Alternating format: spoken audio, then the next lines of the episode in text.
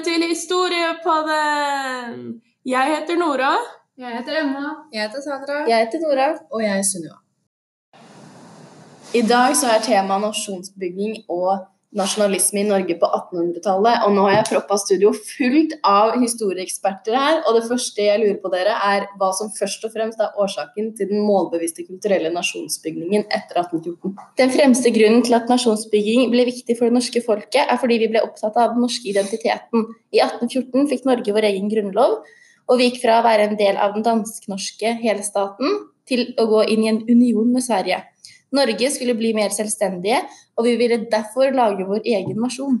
Og Norge satte også i gang et fokus på nasjonsbygging etter 1814. Fordi vi i Norge ville skape vår egen nasjon. Og det som først satte i gang revolusjonen, var Kiel-freden, som ble inngått 14.1.1814. Og det var en fredsinngåelse mellom Sverige og Danmark. Nasjonalisme er svært sentralt i den målbevisste kulturelle nasjonsbygningen. Eh, nasjonalistenes mål var å styrke og sammensveise sin nasjon, nasjon innad og vise deres styrker utad. Språkstriden var en stor del av nasjonsbyggingen. Hva var det egentlig den gikk ut på, hva var det som ble resultatet av den? I Norge så var jo dansk det offisielle språket i landet i mange hundre år. Og til og med etter Grunnloven, som ble undertegnet i 1814, var også dansk det offisielle språket. Etter hvert tenkte det norske folk at de har nå egen stat, så de ønsket et eget skriftspråk. Eh, det var flere som deltok i debatten, f.eks. For forfatteren Ivar Aasen med Henrik Bergland på lag, eh, og mange flere som bidro til resultatet. Det var tre ulike synspunkter. Det første var å beholde det danske skriftspråket, det andre var å fornorske dansken gradvis, og det tredje var å konstruere et nytt språk. Resultatet av denne språkstriden var to skriftspråk, som vi i dag kjenner som nynorsk og bokmål. Ok, så Språkstriden er egentlig et ganske spennende tema, så det har jeg litt lyst til å komme tilbake til etterpå. Men nå begynner jeg å bli litt nysgjerrig på litteraturen og kunsten. Og Hva var det egentlig som kjennetegnet disse to under nasjonalromantikken? Ja, eh, Under nasjonalromantikken så var vi veldig opptatt av å finne nordmenns særpreg. Og litteraturen og kunsten setter stort fokus på folkekulturen og bondekulturen. Eh, og hvis du ser bildet 'Brudferden i Hardanger', så beskriver det veldig godt kjennetegn for kunst under nasjonalromantikken. Det er flott norsk natur, og bildene fokuserer veldig på flotte omgivelser. Og det er brukt sterke farger.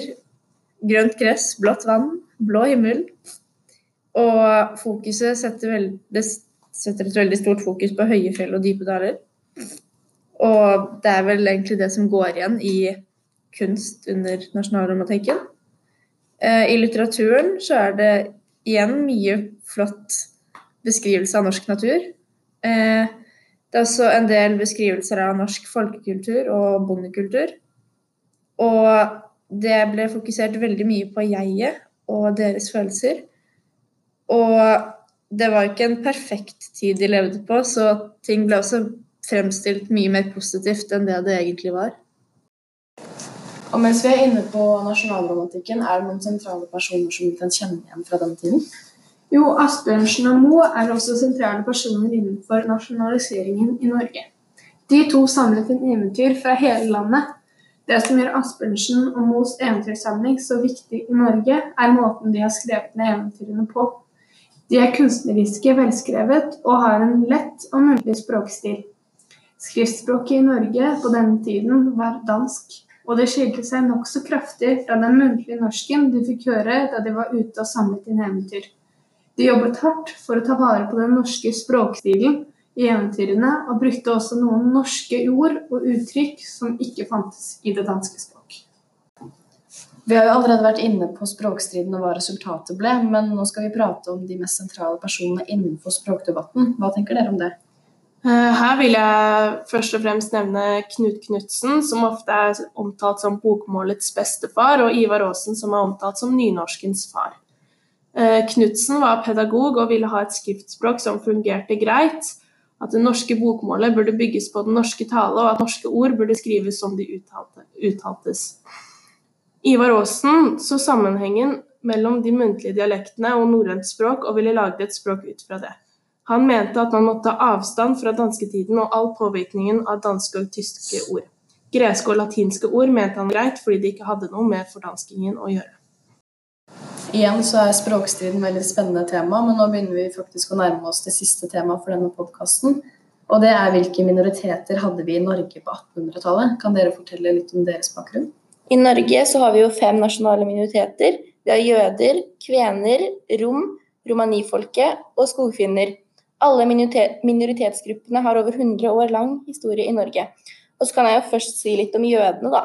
Eh, og norske jøder i dag er en nasjonal minoritet og har bodd i landet siden grunnlovsforbundet ble opphevet i 1851. Vi teller ca. 2000. Eh, noen har bodd her i fem generasjoner, mens andre igjen har innvandret fra f.eks. Danmark, USA og Israel. Nærmere halvparten av de jødiske nordmennene ble deportert og utryddet av nazistene under andre verdenskrig. Og så har vi jo kvener også, som du sa. og det er en norsk minoritet som vandret fra Nord-Finland og Nord-Sverige. Og vi vet at det har vært kvener i Norge siden 1500-tallet, men den første fasen med mer omfattende innvandring startet tidlig på 1700-tallet. Og den første perioden med kvensk flytting til Finnmark og Nord-Troms handlet først og fremst om attraktive områder for jordbruk og fiske. Og kvenene ble sett på som viktige i nordområdene, og myndighetene var veldig glade for at folk kom og tok jorda i bruk. Eh, og da kan jeg prate litt om rom, som kanskje er mer kjent som sigøynere. I tiden etter 1860 var det ingen innvandringsrestriksjoner i Norge. Grensene var åpne for alle som ville slå seg ned i landet. De første romfamiliene som kom, reiste mye rundt, både i Norge, i Norden og i andre europeiske land. Men dette levesettet ble vanskeligere etter hvert som landet strammet inn sine reisebestemmelser. Minoritetspolitikken ovenfor rom har i forskjellige perioder gjennom opp gjennom historien vært hardere og til dels, til dels preget av overgrep i statlig regi. De forskjellige fremmedlovene fra 1901 og 1915 eh, spesielt skulle hindre innreise og ferdsel, og myndighetene skulle registrere og kontrollere innreisende til landet. Ja, Da skal jeg snakke litt om romanifolket og skolefinner.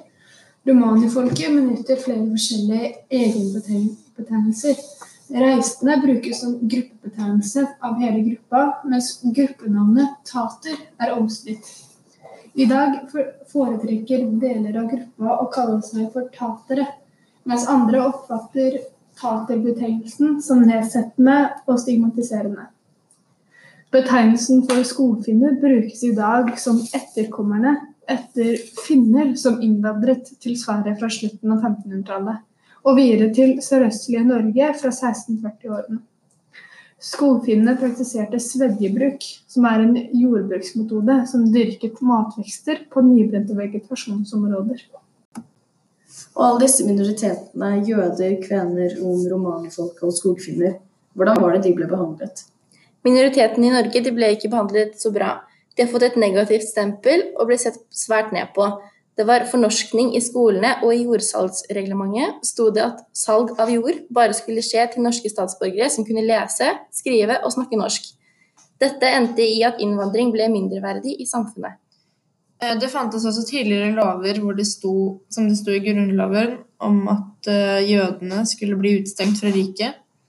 Og da ble det bl.a. argumentert med at jødene var grådige, for mektige og for dyktige innen handel.